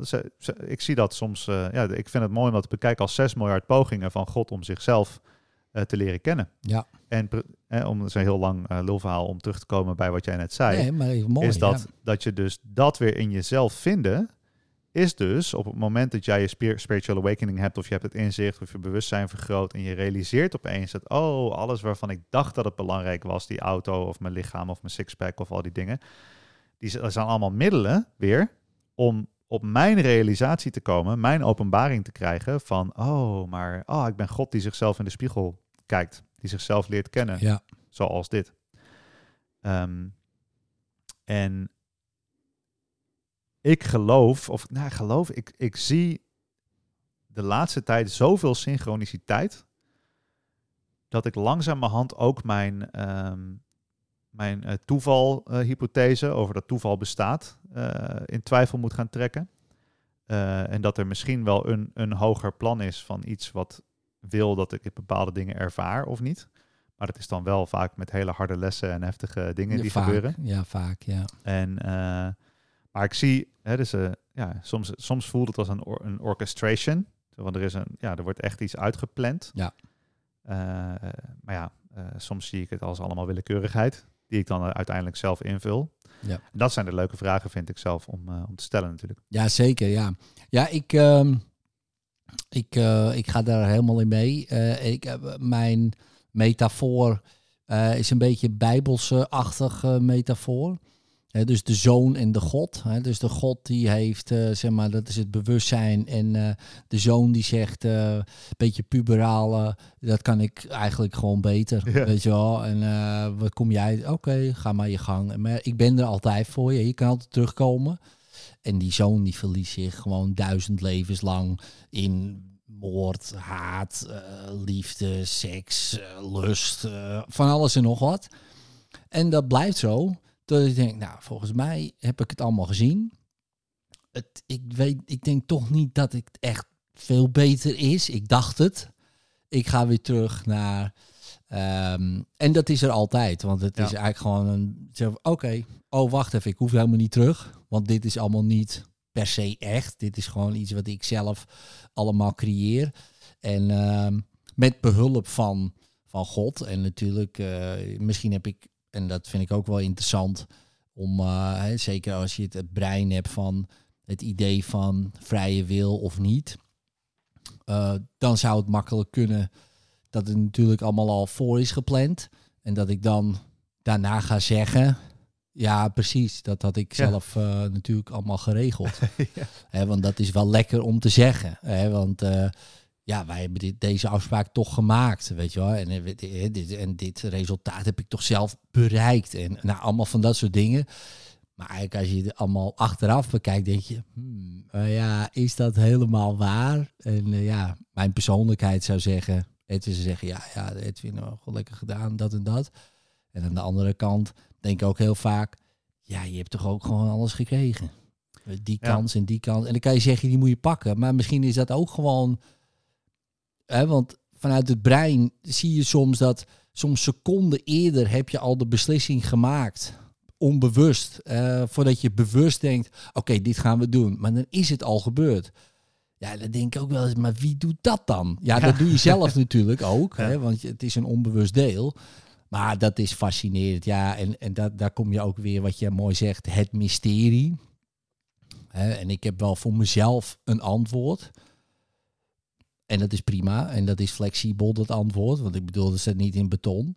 En ik vind dat prettig. Mm. Maar dat is puur gewoon voor het idee. Want ja, in wezen, als je het helemaal gaat ontleden, ja, geen idee, man. Ja. Is, eh, Maar dat is juist het hele punt. Dat is het leuke ervan. Als je denkt, als je terugbrengt naar polariteit en het yin-yang gebeuren, is dat het leuke is, we hebben een concept van vrije wil en we hebben een concept van niet-vrije wil. Ja. En dat zijn de twee tegenpolen. En de ene Ja. moet bestaan, anders zou die andere niet kunnen bestaan. Dat is weer yin-yang. en dat is het leuke van dus ontdekken van, en dat is de, dat is de dans. En ehm, kijk, ik zie, je, je kunt het leven ook zien als een uitnodiging om te ontdekken. En dat iedereen eindeloos veel uitnodigingen, en, en je kan het ook zeggen een kans, kun je het noemen, maar ik vind uitnodiging een fijner woord dan kans. Eh, want er zijn eindeloos veel uitnodigingen. Ja. Want je hebt de mensen die, die in een Groundhog Day leven, die gewoon elke dag hetzelfde nieuws, Ja. hetzelfde eten, dezelfde klachten, dezelfde sigaretten, dezelfde dierstom, dit is leuk of wat dan ook. Elke dag is het leven daar met nog een uitnodiging. Van hey, Ja. kijk eens naar deze zonsopgang. Of kijk, eh, eh, en, en dat je opeens een moment hebt dat je een blaadje ziet vallen en dat je daar de hele code van het universum in kunt zien. Die, is, die uitnodiging is er gewoon. En zo, kijk, ik, ik, ehm, wat ik zelf na een van mijn grote spirituele openbaringen heb ik opgeschreven: eh, Life is an improv. Het leven is een, een, een grote improvisatie. En die improvisatie, eh, als je wel eens improvisatietheater hebt gedaan, er is één essentiële regel in improvisatietheater, eigenlijk de, de enige, en dat is ja en. Want als je twee acteurs hebben op het podium en de ene zegt van, oh, eh, kijk, er komt een vogel aangevlogen. En die ander zegt, nee, dat is niet zo. Ja, dan, dan valt het uit elkaar, weet je wel. En Ja. dus het is ja en. Oftewel accepteren en nu wat doe ik ermee? Ja. En dat is hoe ik de uitnodiging van het leven zie. Het is een improvisatie. Er is is, een, eh, een liedje wat ik laatst hoorde en eh, in het begin is een stem en die spreekt gewoon en die zegt dan eh, Every child knows God. Not a God of do's and don'ts, not a God of wants or rules, but a God who simply says, come dance with me, come sing with me. En dat is, dat is hoe het leven ook, weet je wel, elk, elk kind kent dat. Ja. Zo van, kom met me dansen en Ja. speel met mij en zoek het uit. Laten we op een ontdekkingsreis gaan. Want ik denk ook dat, kijk, wat jij zegt, eh, vind ik heel mooi inderdaad, dat je dus, ik, je hebt die hele reis en, en misschien wel duizenden levens. Ehm, en, eh, of miljoenen, of wat het dan ook is. Hoe lang je hier ook mee bezig bent. Om, eh, om, om die reis te maken met jouw individuele stukje ziel. En die komt dan weer terug bij het al, want die is klaar. Maar het al is dan ook ontwikkeld. Want het heeft al die ervaringen gehad. Ja. Dus het heeft al die ervaringen gecreëerd om vervolgens al die dingen mee te maken. Om vervolgens het al te verrijken. En dat is, het, dat is weer het leuke, de ja, leuke of vraag. Die, of die heeft al die ervaringen gecreëerd om jou een beetje bezig te houden. Ja, maar, Wie, ja, maar ik bedoel, dat als is ik... net als papa die zegt van, ach, hier heb je een brandweerauto. En doe maar lekker je ding. En oh, kijk, naar die school kan je gaan. En, eh, die, en we creëren voor jou een hele mooie werkelijkheid. En ga Ja. lekker aan de gang. Zo, dat denk ik ook vaak. Gewoon, nou, oké pap, ik ben, ik, af en toe denk ik, oké pap, ik ben, ik ben er denk ik wel klaar mee, denk ik. Ja, maar kijk, dat is Ja. dat, dat vind ik het wat ik wat ik het interessante vind van die manier van kijken, is dat nog steeds het vraagstuk. Oké, dus je had God, je had het al, je had het ene ding, Mhm. de grote vader of moeder of wat dan ook, en die was volmaakt en perfect. En die Ja. weet alles en die kan alles. Ja. En die heeft dus een realiteit geschapen met wetten en met wetmatigheden, waarin een deel van, hè, dus als je, als je denkt van oké, dit is hoe ik een beetje ik de lagen zie, je hebt het al. En dat is, dat is een, een, ja, een, een niet-vormelijk Ja. bestaan, een wezen. Daaruit is polariteit, zelf en ander ontstaan. En dat is ook van, ja, je kan dus zeggen van, ik heb een individuele, ik heb een individueel, heel erg tijdelijk menselijk leven. Ja. Dat wordt ervaren door een, oneindig, eh, een oneindige ziel. Ja. Maar is het dan een individuele ziel? Hè, dus, eh, en, en ik heb steeds vaker nu de ervaring inderdaad van, oké, ik heb een individuele ziel, maar dat is een soort van gepartitioneerd stukje. Dus je hebt dat, het al, de grote ziel. ja, en die heeft zegt, een, ja. een, een partitie gemaakt daarvan. Die zegt, oké, deze ziel die gaat op een reis om al deze karmische evenementen mee te maken. En uiteindelijk is hij klaar met die reis en dan komt hij terug in het al, in het geheel. En het, het geheel heeft dan dus geleerd over wat er mogelijk is, wat hij kan. God heeft, heeft gerealiseerd. Ja. Want ja, God weet wel van ik kan alles en ik ben alles. ja. Maar het is nog niet gerealiseerd geweest. Nou, en dat stukje ziel heeft het dan gerealiseerd. En die komt terug. En dan is dus het geheel verrijkt. Ja, ja, ja, ja, en, precies. en dat is wel hoe ik de missie zie, hoe ik de spiritualiteit zie. Dus stel, hè, je hebt bijvoorbeeld de massa van de mensen of van, van de Ja. wezens op, op, de, op de aarde. En op dit moment zou je kunnen zeggen van oké, eigenlijk is zeg maar de 99% of wat dan ook het getal is, die leeft eigenlijk op een frequentie wat niet een hoogste goed is. Dat, daar kunnen we het wel over eens zijn. Hè? Alle Ja. mensen die eh, ja, met, eh, met de depressie en alle medicatie en alle, hè, dus alle, heel veel suffering is er. Ja. En dan zou je kunnen zeggen van oké, dus je hebt dan die, eh, je hebt die 700 eh, of 7 miljard mensen. En elk van die mensen is dus een expressie van het goddelijke, van het al. Of de, en dus ik zie het als een soort van, Ja. hoe ik het meestal omschrijf, is als een transistor voor, eh, voor be- eh, bewustzijn. Dus als je even in een computermodel denkt, je hebt allemaal microchipjes. En eh, elk microchipje kan een bepaalde hoeveelheid bewustzijn kanaliseren, bewerken, verrekenen en weer terugvoeren naar de hele computer. Ja. En de hele computer die is zo groot en zo krachtig als de hoeveelheid van die, van die chips, van die transistoren die erin zitten. Ehm, dus dat is een beetje een mechanisch beeld. Oké, goed. Dus dat betekent dat elke, elk mens is een, een ehm, hè, dus ons fysieke lichaam, om maar zo te zeggen, is een transistor voor bewustzijn. En hoe beter die getuned is naar dat bewustzijn, hoe Ja. beter dat bewustzijn kan ervaren. Daarom is het zo belangrijk om gezond en fit te zijn. Ja. Hè, en om dus goed voor jezelf te zorgen. En dat is ook waarom de fysieke yoga vormen, die we nu mensen yoga noemen, maar in het hindoeïsme zeggen ze van ja nee, je gebruikt yoga en de poses en de beoefening en het vasten om je kanaal schoon te maken, zodat die, dat bewustzijn er doorheen Ja. kan. Ja. Oké, dus nu is het voor, dit is hoe ik het zie. Dit is zeg maar de missie. Even de grote, het antwoord. Ja, ja, heel goed. Heel goed. dus je, stel nou, je hebt 7, 7 miljard van die transistors voor bewustzijn. Bijna al acht, hè? Ja, bijna al acht. No- ja, nou, november schijnt de 8 miljardste eh, persoon. eh what a time to be alive. En dat is, dat is dus leuk, want 8 betekent... miljard hypnoses. Er zijn nog nooit zoveel van die hypnoses geweest. Er zijn Nee. nog nooit zoveel Nee. van die transistors geweest. Echt dus de computer. Ja, computer is nog het nooit zo sterk geweest. Nee. Dat is lachen. En dat, dus ik zie dat voor me, om er even weer een computer eh, ding te gebruiken. Stel je hebt een scherm. En een scherm bestaat uit pixels. Hè. Als je inzoomt, dan zie Ja. je dat het allemaal, allemaal puntjes zijn. Ja. Je kan het zien als een knopje scherm eigenlijk. Want een Met pixel, allemaal pixels, ja. Precies. En een pixel is eigenlijk een knopje en die kan bijvoorbeeld rood of groen of blauw worden. Ja.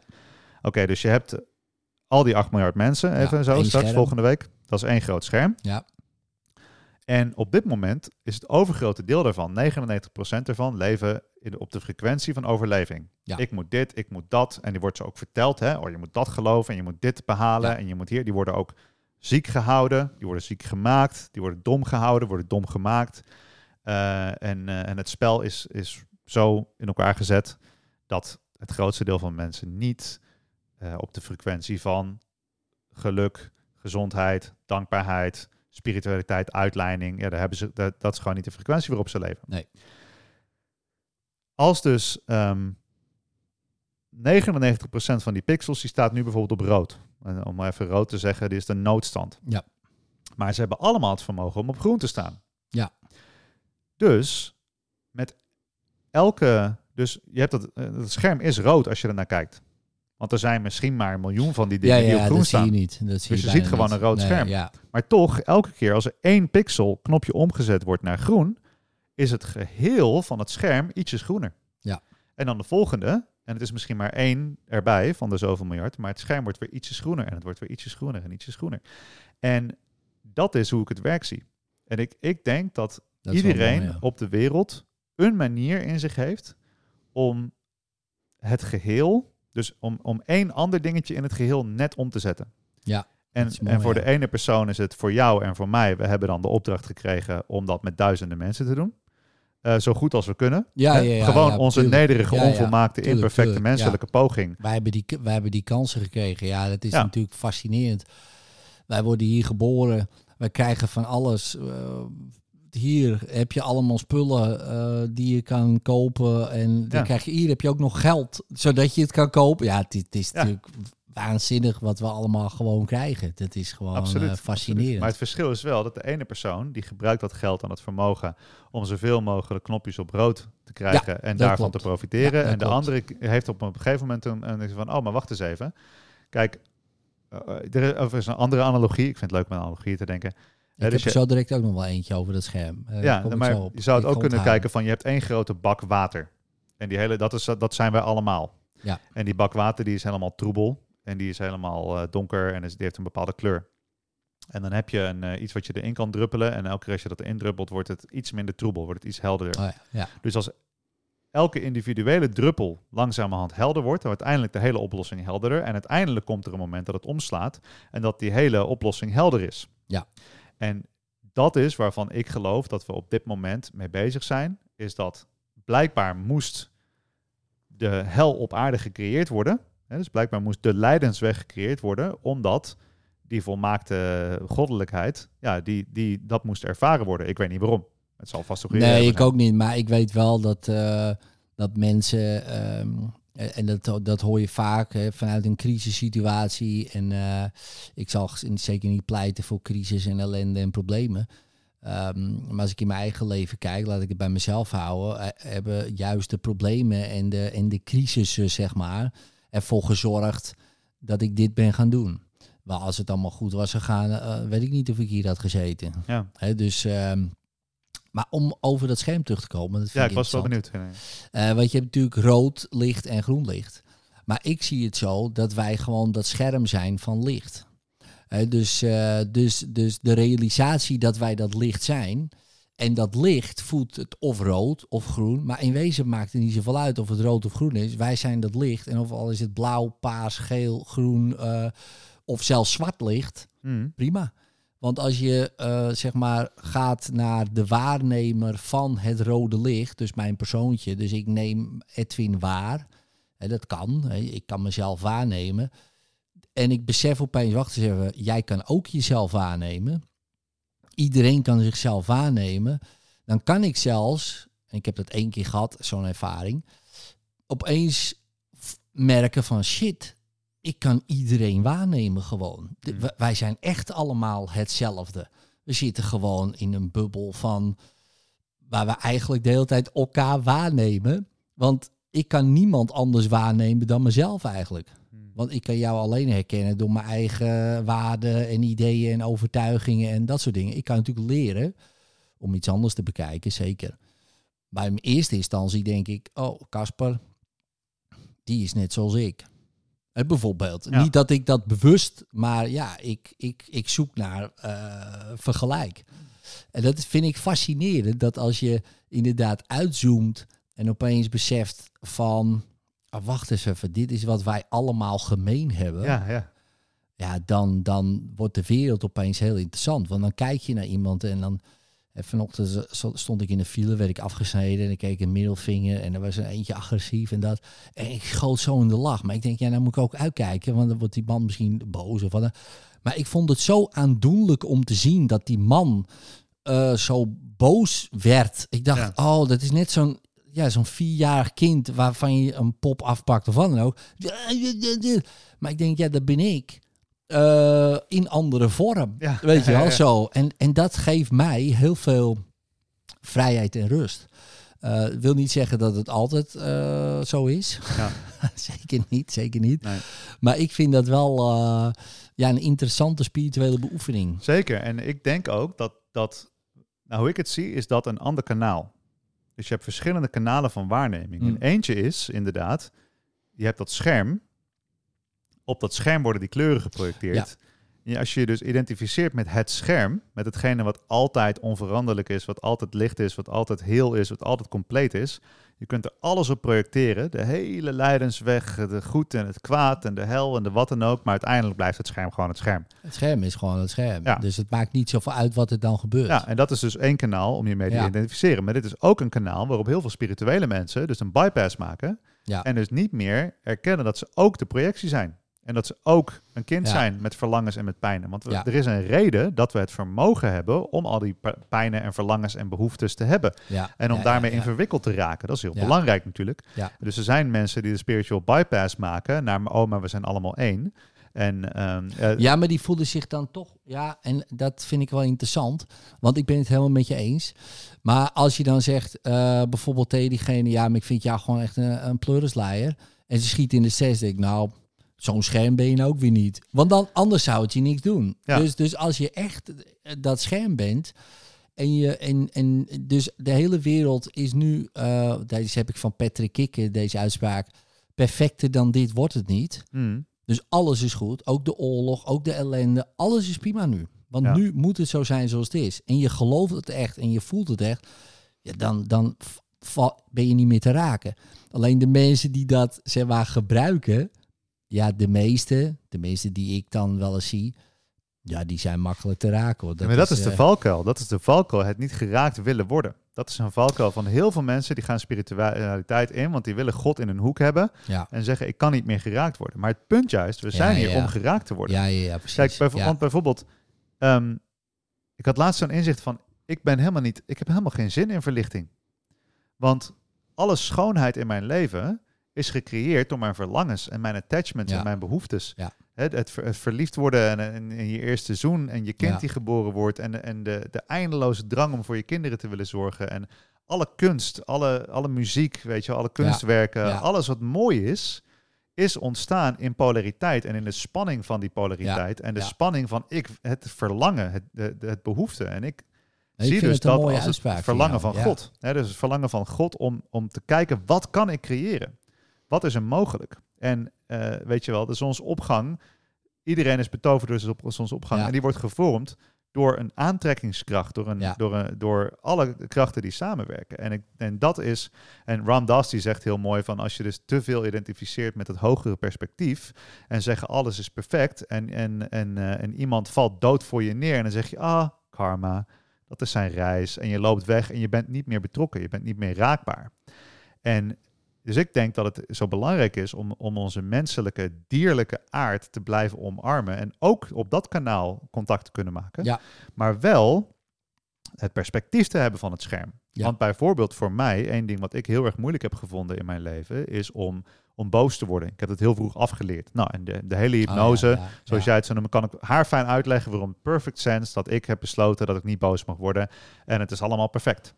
Ehm, en eh, nu heb ik momenten dat ik voel van, oh ja, ik wil, oh ja, fuck, ik wil eigenlijk gewoon schreeuwen en schelden.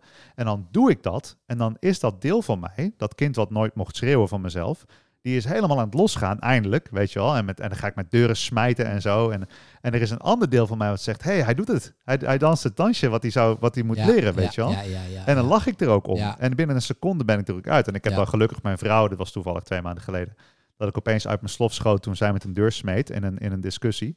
En dat ze vijf minuten later ook naar me toe kwam van, hey, je hebt het gedaan, je bent boos geworden, goed zo. En een knuffel, jee, we hebben het gedaan, leuk. Het was een leuk ritje, weet je wel. Ja. Dus het was even een ritje van die menselijkheid. Maar ik was, zat er wel helemaal in. Ja. maar wel in, de, in het perspectief. En, ik, en dit is voor mij de uitspraak van het is allemaal perfect. Voor mij, en dit is een recente realisatie, het probleem daarvan is in het waardeoordeel. Dus je hebt spirituele mensen die zeggen alles is precies zoals het moet zijn. Ja. Everything is as it should be. Alles is perfect. En in, in het should, in het zouden moeten, in het woord perfect, daar zit een waardeoordeel. En dan, en dan niet spirituele mensen, en waaronder ik een deel van mijzelf, is geneigd om te zeggen. eh, En, hè, en de twintig eh, kinderen die zijn gestorven van de hongersnood of eh, vluchtelingencrisis, verkrachting, eh, die zijn gestorven terwijl wij dit gesprek voeren. Huh, dat, wat dan, is dat ook perfect zoals het is? Hè? Blijkbaar. Maar als je dus zegt, ja, Ja. blijkbaar is dus Ja. een heel hoog spiritueel antwoord. Maar het, is dus niet, het gaat dus niet over Nee, maar dat wil het niet accepteren zeggen... dat ja. het oké is. Maar wat ik bedoel daarmee te zeggen is dat, dat het perfect is. Het is perfect in de zin dat het volledig volgens de wetmatigheid van het universum geboren is. En dat is iets wat ik van jou, eh, in, in die Instagram post die jij ooit schreef over oorzaak-gevolg, die zegt dat zo mooi. Ja. Er is geen schuld, er is geen zouden moeten als in dit is beter dan ander. Want als je zegt dit is perfect, dan zeg je dit is beter dan alle andere opties. Maar het gaat niet over beter of over goed. Het is oorzaak-gevolg. Als je uitzoomt en je gaat je verdiepen in deze dingen en je gaat zien hoe de wetmatigheid werkt, dan ga je zien van, oh ja, dit zijn de natuurwetten, Ja. dit hebben we. Als je nou deze wereld neemt en je hebt een wezen, zet je erop en je hebt daar, en die heeft een ego en die heeft verlangens, en de ene kan de ander uitbuiten. En hè, dus als je kijkt naar de hongersnood in Afrika, ja, die is perfect. In de zin dat het volledig wetmatig gebeurd is. Want als je naar het land gaat en je pakt die dingen en je zet die persoon in die Ja. machtspositie en je haalt, ja, dan heb je uiteindelijk perfect volgens de eh, regels van de, van de wereld, hè, volgens de natuurwetten, heb je dan kinderen die elke dag sterven aan hongersnood. En in die zin is het perfect. Op dezelfde manier als ik het glas pak van het tafeltje hier en ik laat hem vallen, dan valt hij perfect in scherven. Perfect, exact. En ik kan dat glas duizend keer oppakken, duizend van die glazen nemen, op precies dezelfde hoogte, in precies dezelfde ruimte, op precies dezelfde ondergrond kapot laten vallen. En elke keer valt die perfect volgens de wetmatigheid van het universum, maar niet één keer hetzelfde. Ja. Dat is het mysterie. Ja, dat is fascinerend. ja, ja, eens. En ik vond het een mooie uitspraak. Wat je zei van, eh, ik, ik wil niet verlicht worden, man. Maar ik snap die. Ik snap die heel goed. En ik heb dat eh, precies andersom. Omdat je het al bent. Sowieso. Maar ehm, nee, maar omdat ik.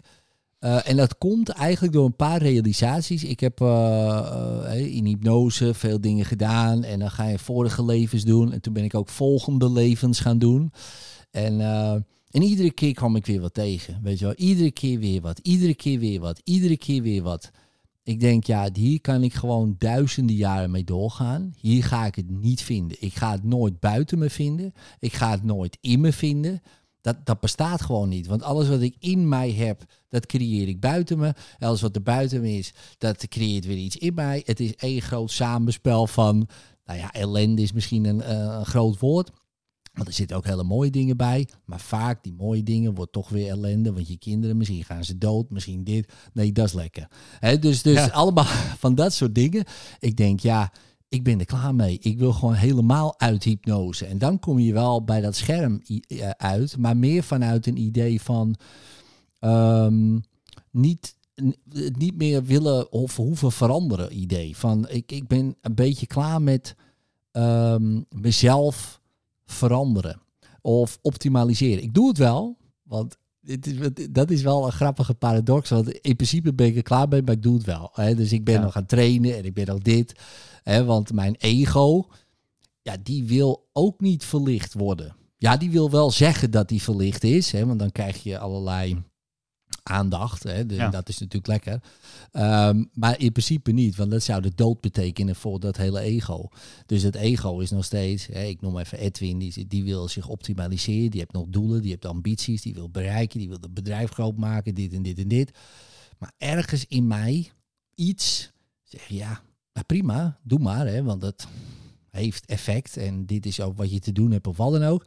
Maar ik voel steeds sterker van, Ja man, maar ik heb geen zin om hier nog levens mee door te gaan gewoon. Ik heb het allemaal wel gezien. Zo'n gevoel. Heb, Hmm. heb, jij, heb jij dat af en toe? Of heb je dat helemaal niet, niet. gewoon? Nee, dat moment heb je helemaal niet. Nee, nee. eh, op de, en ik heb een, eh, dat perspectief heb ik wel. Ja. Ik heb een deel daarvan, maar dat is ook het deel van mij wat eh, de neiging heeft tot nihilisme. Oh ja. en, eh, en voor mij ligt mijn nihilisme heel erg dicht bij een poging om een bepaalde depressie niet te voelen. Ehm, eh, of de depressie is eigenlijk het niet voelen. Eh, want je kan tegen alles zeggen van wat jij ook nu meemaakt. Over 4 miljard jaar ontploft onze zon. En is Ja, alles wat is hier is klaar. gebeurd, is voor altijd weg. Weet je wel. En dat is klopt, ook zo. En dat is ook zo. En het is goed om daar. En dat betekent dus dat het allemaal juist heel erg de moeite waard is. En ehm, dat, dat inzicht van ik wil niet verlicht zijn. Eh, het hoeft nog niet, want het komt vanzelf. Ja. Het is al klaar eigenlijk. ja, ja, in principe In heel veel opzichten Ja, ja, is het al klaar. Maar tegelijkertijd is het toch een reden dat ik hier ben. Om de. En eh, ook als er geen doel is, is het om de dans te dansen. Want bijvoorbeeld eh, rouwen, hè, dus toen, toen ik het grootste rouwen wat ik heb meegemaakt, is toen ik, toen ik gescheiden ben.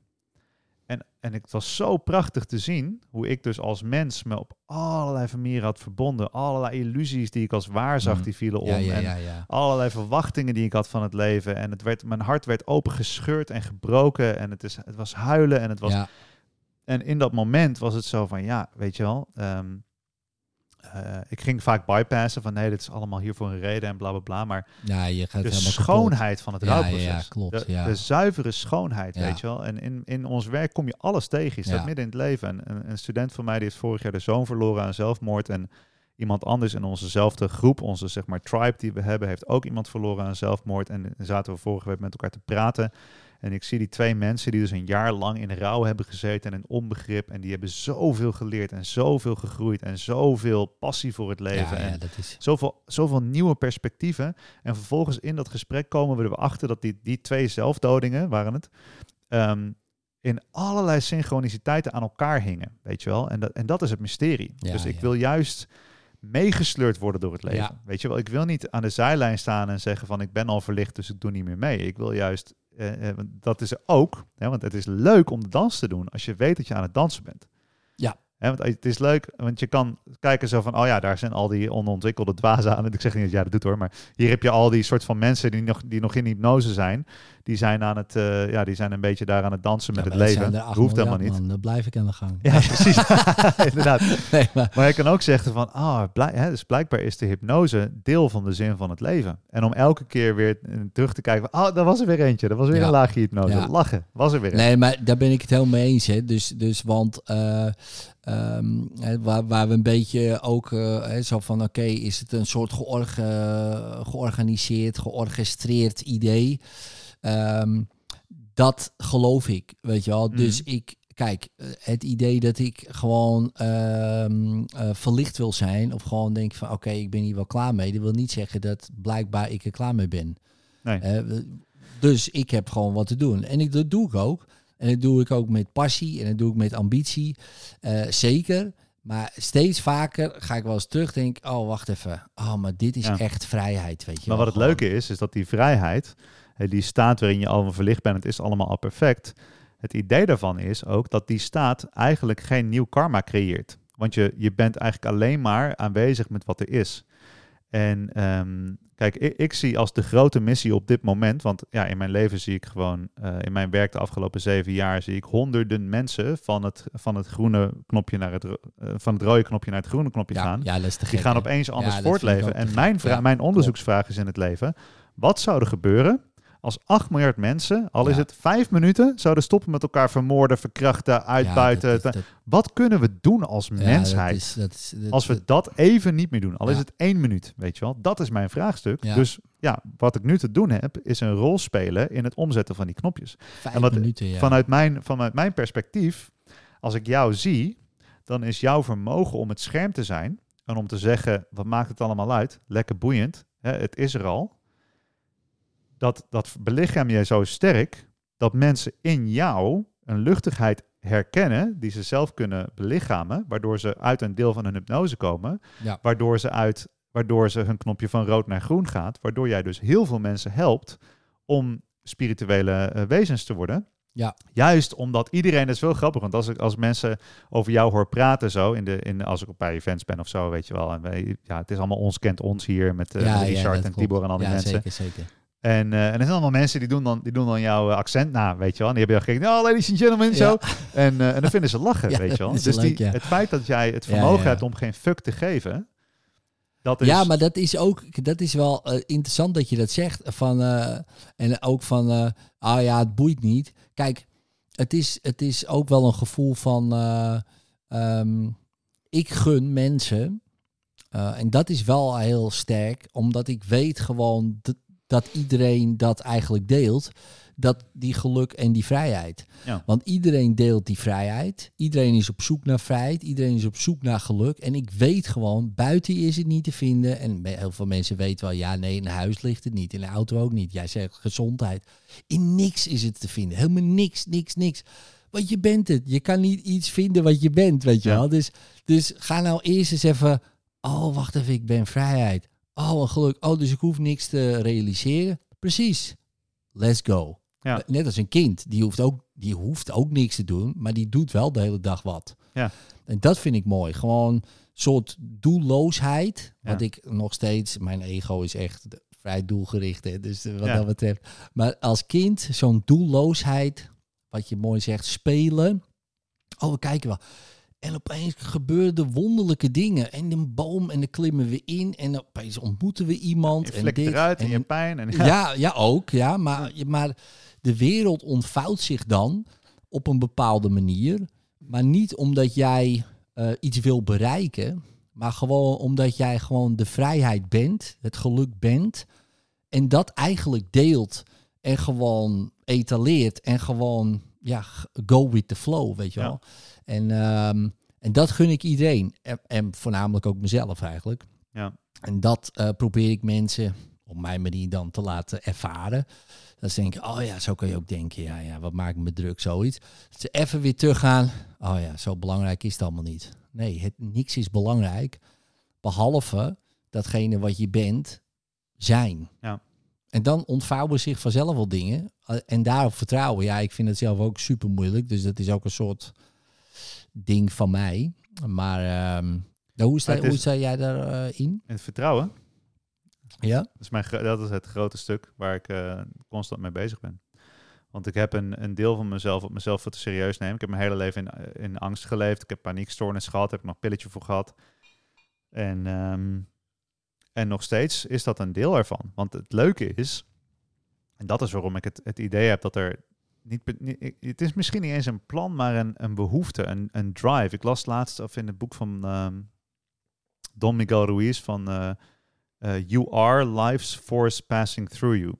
Hè, dus er is een bepaalde, ah, zo van ergens heen. En in, in, eh, in het Hindoeïsme noemen ze dat geloof ik, nee, ja, in het Engels is het yearning, maar er is een naam voor. Is dat Maya? Dat weet ik niet. Maar het, het, het is verlangen, het is Ja, ergens heen. Is, eh, is wel een soort, ja, En als je kijkt ja. naar deze planten ook, hè, die willen naar het licht. Er is, er is iets van, Ja. ah, we En willen ergens heen. en ik hoef niet te klopt. weten waar het, waar het heen gaat. Dat maar is het, ja. het is wel zo dat het voor mij gewoon frappant is. Want ik neem nam mezelf dan heel serieus en ik had allemaal angsten en zo. Ik heb zelfs momenten gehad dat ik mijn huis niet uit durfde. Oh ja, Maar heftig. Uiteindelijk ga ik dan mijn huis uit en ik denk van, oh, het is allemaal oké. Ik ben niet meer bang. Ja. En dan vervolgens zegt het leven, oh, maar dit dan? Oh ja, oké, daar Ah, ben ik wel bang Ja. voor. En dit dan? En dit Ja, dan? weet je wel? en nu, nu ben ik bijvoorbeeld op mijn, in mijn pad, in mijn onderneming, in mijn werk. Ah, een soort van rust. Ik heb een team. eh, de juiste mensen komen op me af. Ik, ik eh, heb, heb toegang of verbinding met alle, alle belangrijke, invloedrijke mensen in dit veld. Zoals jij en alle mensen waarmee we ons omgeven. Ik heb gelijkgestemden. Ik, ik kan me uiten. Ik, kan, eh, ik vind het niet meer eng om mezelf te zijn. Hè. Ik kan hier gewoon zitten en echt spreken wat er in mijn hart ligt. Dat kon ik een paar jaar geleden niet. En eh, dus ik heb een soort Ja, van dat is te gek, niveau man. van rust en Ja, vertrouwen gehad top. in het leven. En, en dan, en dan, hè, dus ik, Ja. had, ik had altijd de imposter syndroom. Wie ben ik nou? Arme Oh, kleine ja. ik, weet je wel. Heel serieus nemen. En Ja. straks komen ze erachter dat ik een oplichter ben. Ja, ja, ja. ja. En, dat, en, en, dan, en dan bereik ik dat. En dan ben ik nu rust. En weet ik van nee, ik doe dit. En mensen vertrouwen me. Ik ben integer, bla bla bla. Ik kan erop vertrouwen. En dan zegt het leven van... eh hey Casper, wat nou als we een tv-programma gaan maken... en je hebt een miljoenen publiek? Nou, en dat is nu iets wat speelt. eh, misschien, eventueel. Oh shit, weet je wel zo. En het is al een paar keer voorbij gekomen. En elke keer zegt het leven van, oh, je bent nu helemaal weer oké. hè? Ja. je, je laat jezelf zien en je bent jezelf voor het publiek. Oh, maar en dit dan? En oh, en dan ga ik weer. En dan moet ik weer het hele, het hele pad, alle stukken weer doorlopen. Waar zit de pijn? En dan is er weer een nieuwe laag. Ja. En dat vind ik het leuke eraan. Ehm, en, en dat merk ik. Het is ook trouwens heel grappig als je een publiek hebt. Ehm, het, we Maar zijn, jij staat super relaxed voor het publiek. ja, maar dat, Tenminste, dat- oogschijnlijk dan, hè? Dus Ja, ik bedoel, want ik heb jou wel eens gezien en eh, eh, eh, hoe jij een presentatie geeft, is echt, echt super relaxed. ja, maar dat is ook mijn comfortzone. Want als ik op een podium sta, dan ken ik mijn rol en dan kan ik een plaatje schetsen. Ja, precies. En Ja, ik dat ben een woordkunstenaar. wel. ja, dat heb jij ook. wel. En je Ja, kan een dat prachtig verhaal ophangen. Ja, En mensen zitten te huilen van inspiratie. Ja. En van binnen zit je, breekt de pleuris uit. ja.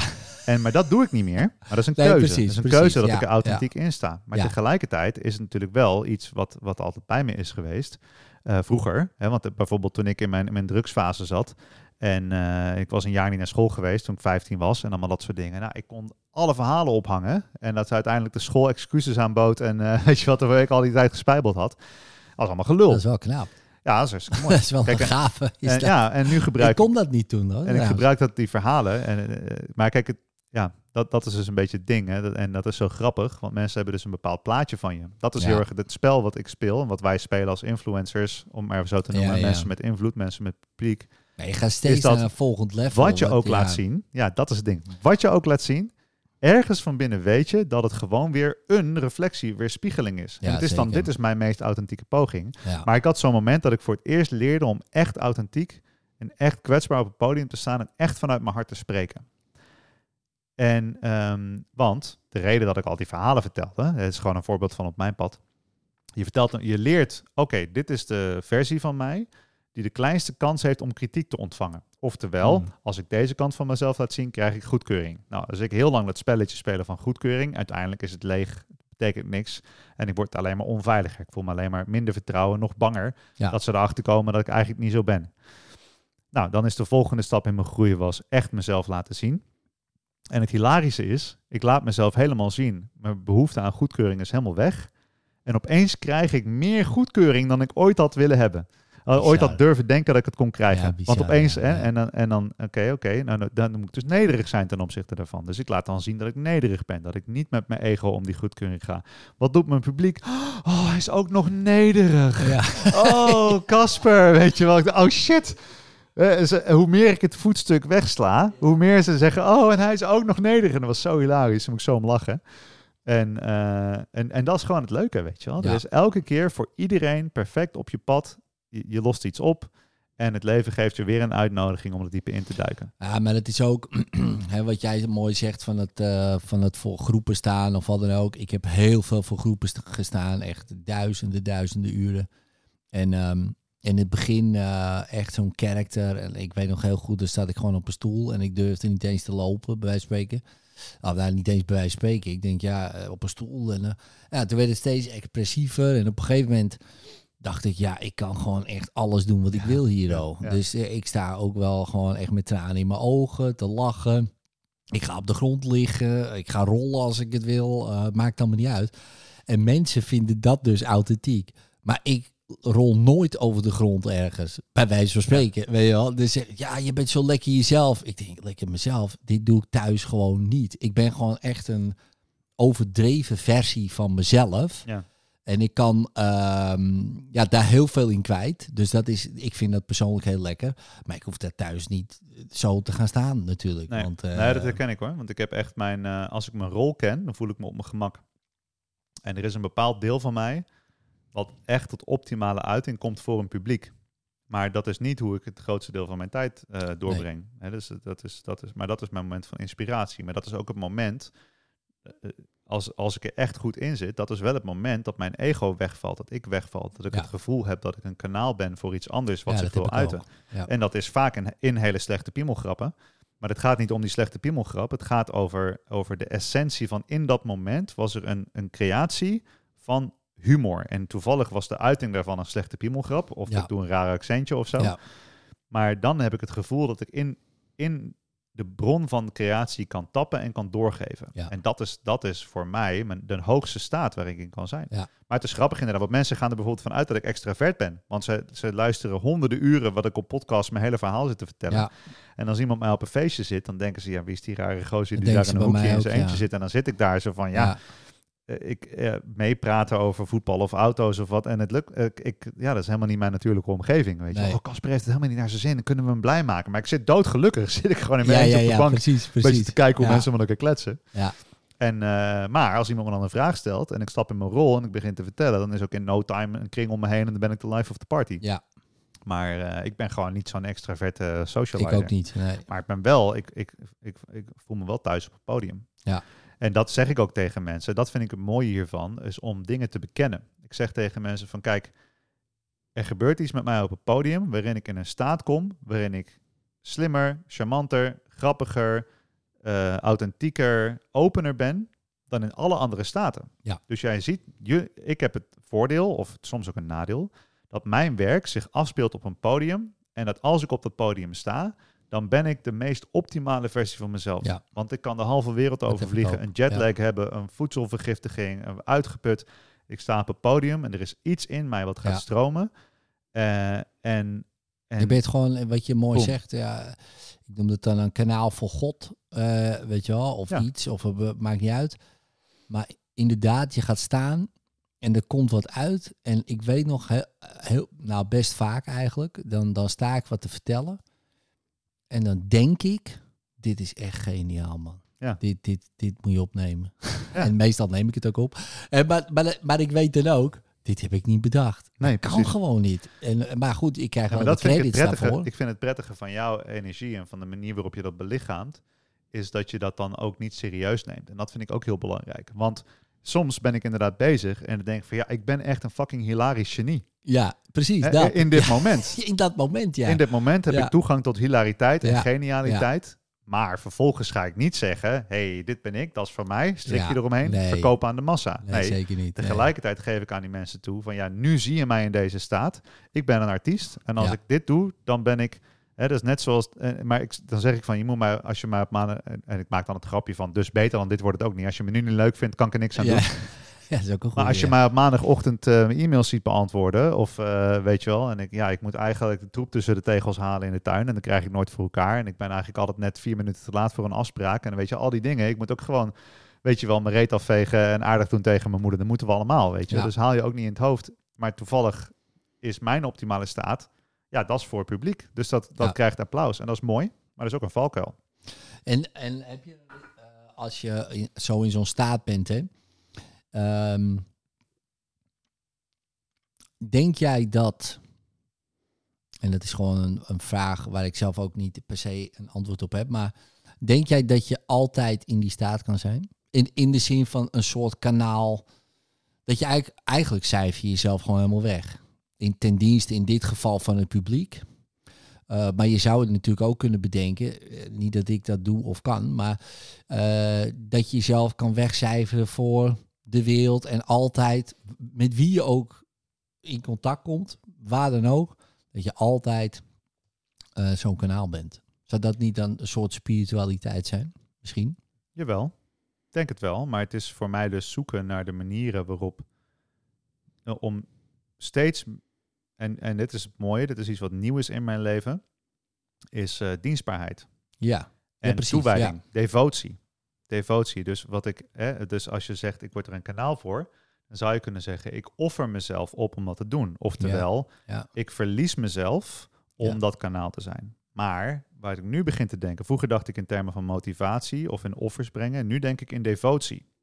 Dat is een totaal mooi, nieuw term in mijn leven, want dat is voor mij altijd veel te religieus geweest. Maar wat is devotie? En devotie betekent, ik, ik offer het inderdaad Ja. in dienst. In hè, dienst dus ik van. Zie, ja, in dienst van. Dus Eigenlijk het rode lichtje naar het groene brengen. Ja. En, En dat of het is nou dus- bij een kassa is, eh, buiten op straat komt iemand tegen, iemand snijdt je af. hey, groen, exact. groen licht, Ja, precies dat. En dit is dus waarom dat is wel mooi, wat mensen, de, de, de, een, een, een, een van de hypnoses die mensen hebben, is dat ze denken, en dat is ook hoe we zijn opgevoed en geprogrammeerd, is dat de persoon die op het podium kan staan en voor een groep mensen dat doen, dat die is de echte. En dat is waarom de paus zoveel macht heeft.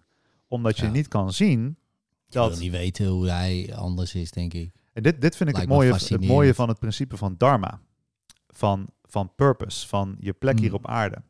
Want, en dit is een, een voorbeeld van Ram Dass, die een groot voorbeeld ook voor mij is geweest de laatste tijd. Die zegt van, de straatveger, wiens dharma het is om een straatveger te zijn, die is als straatveger in dienst van het hele universum door precies op die plek precies die straat te vegen. Ja, precies.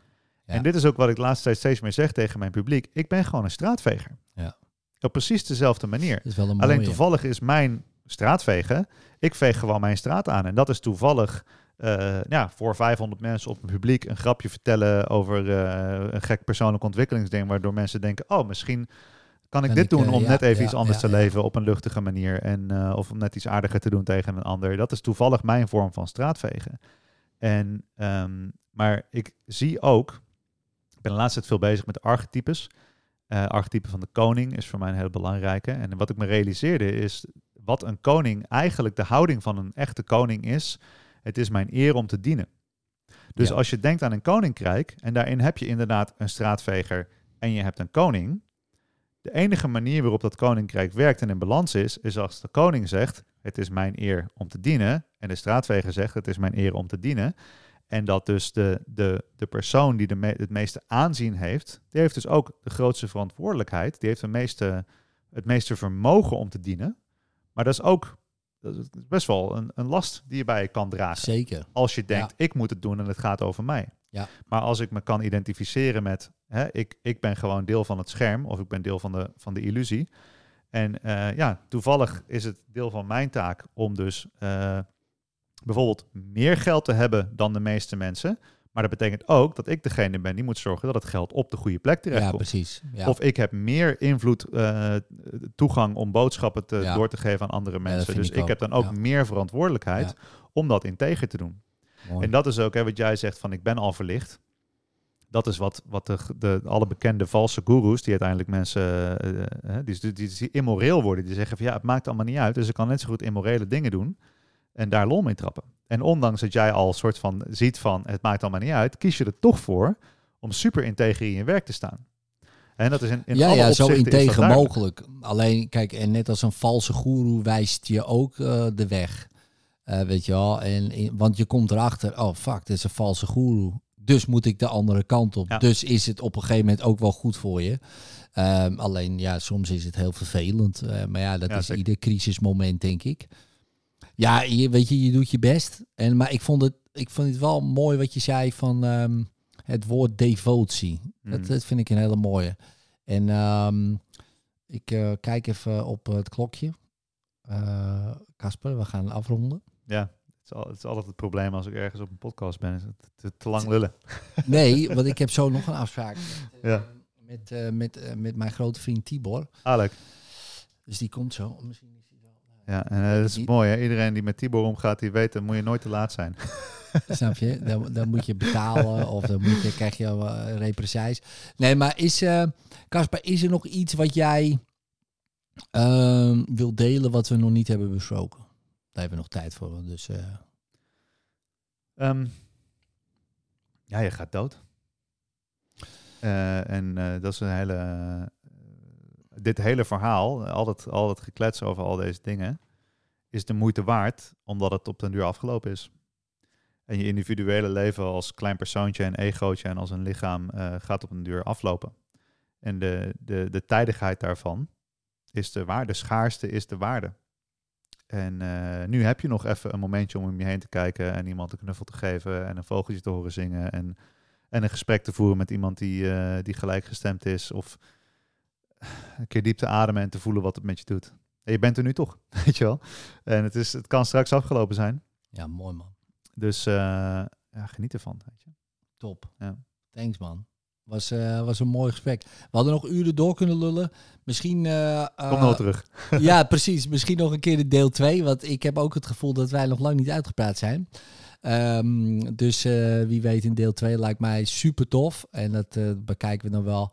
Ehm, ik zal ook hieronder allemaal linkjes plaatsen van jouw dingen. Wat je doet echt mega toffe dingen. Waar we het niet eens over gehad hebben. Maar toen hebben we helemaal over uitgepraat ook. Daar, daar ben je ook over uitgepraat.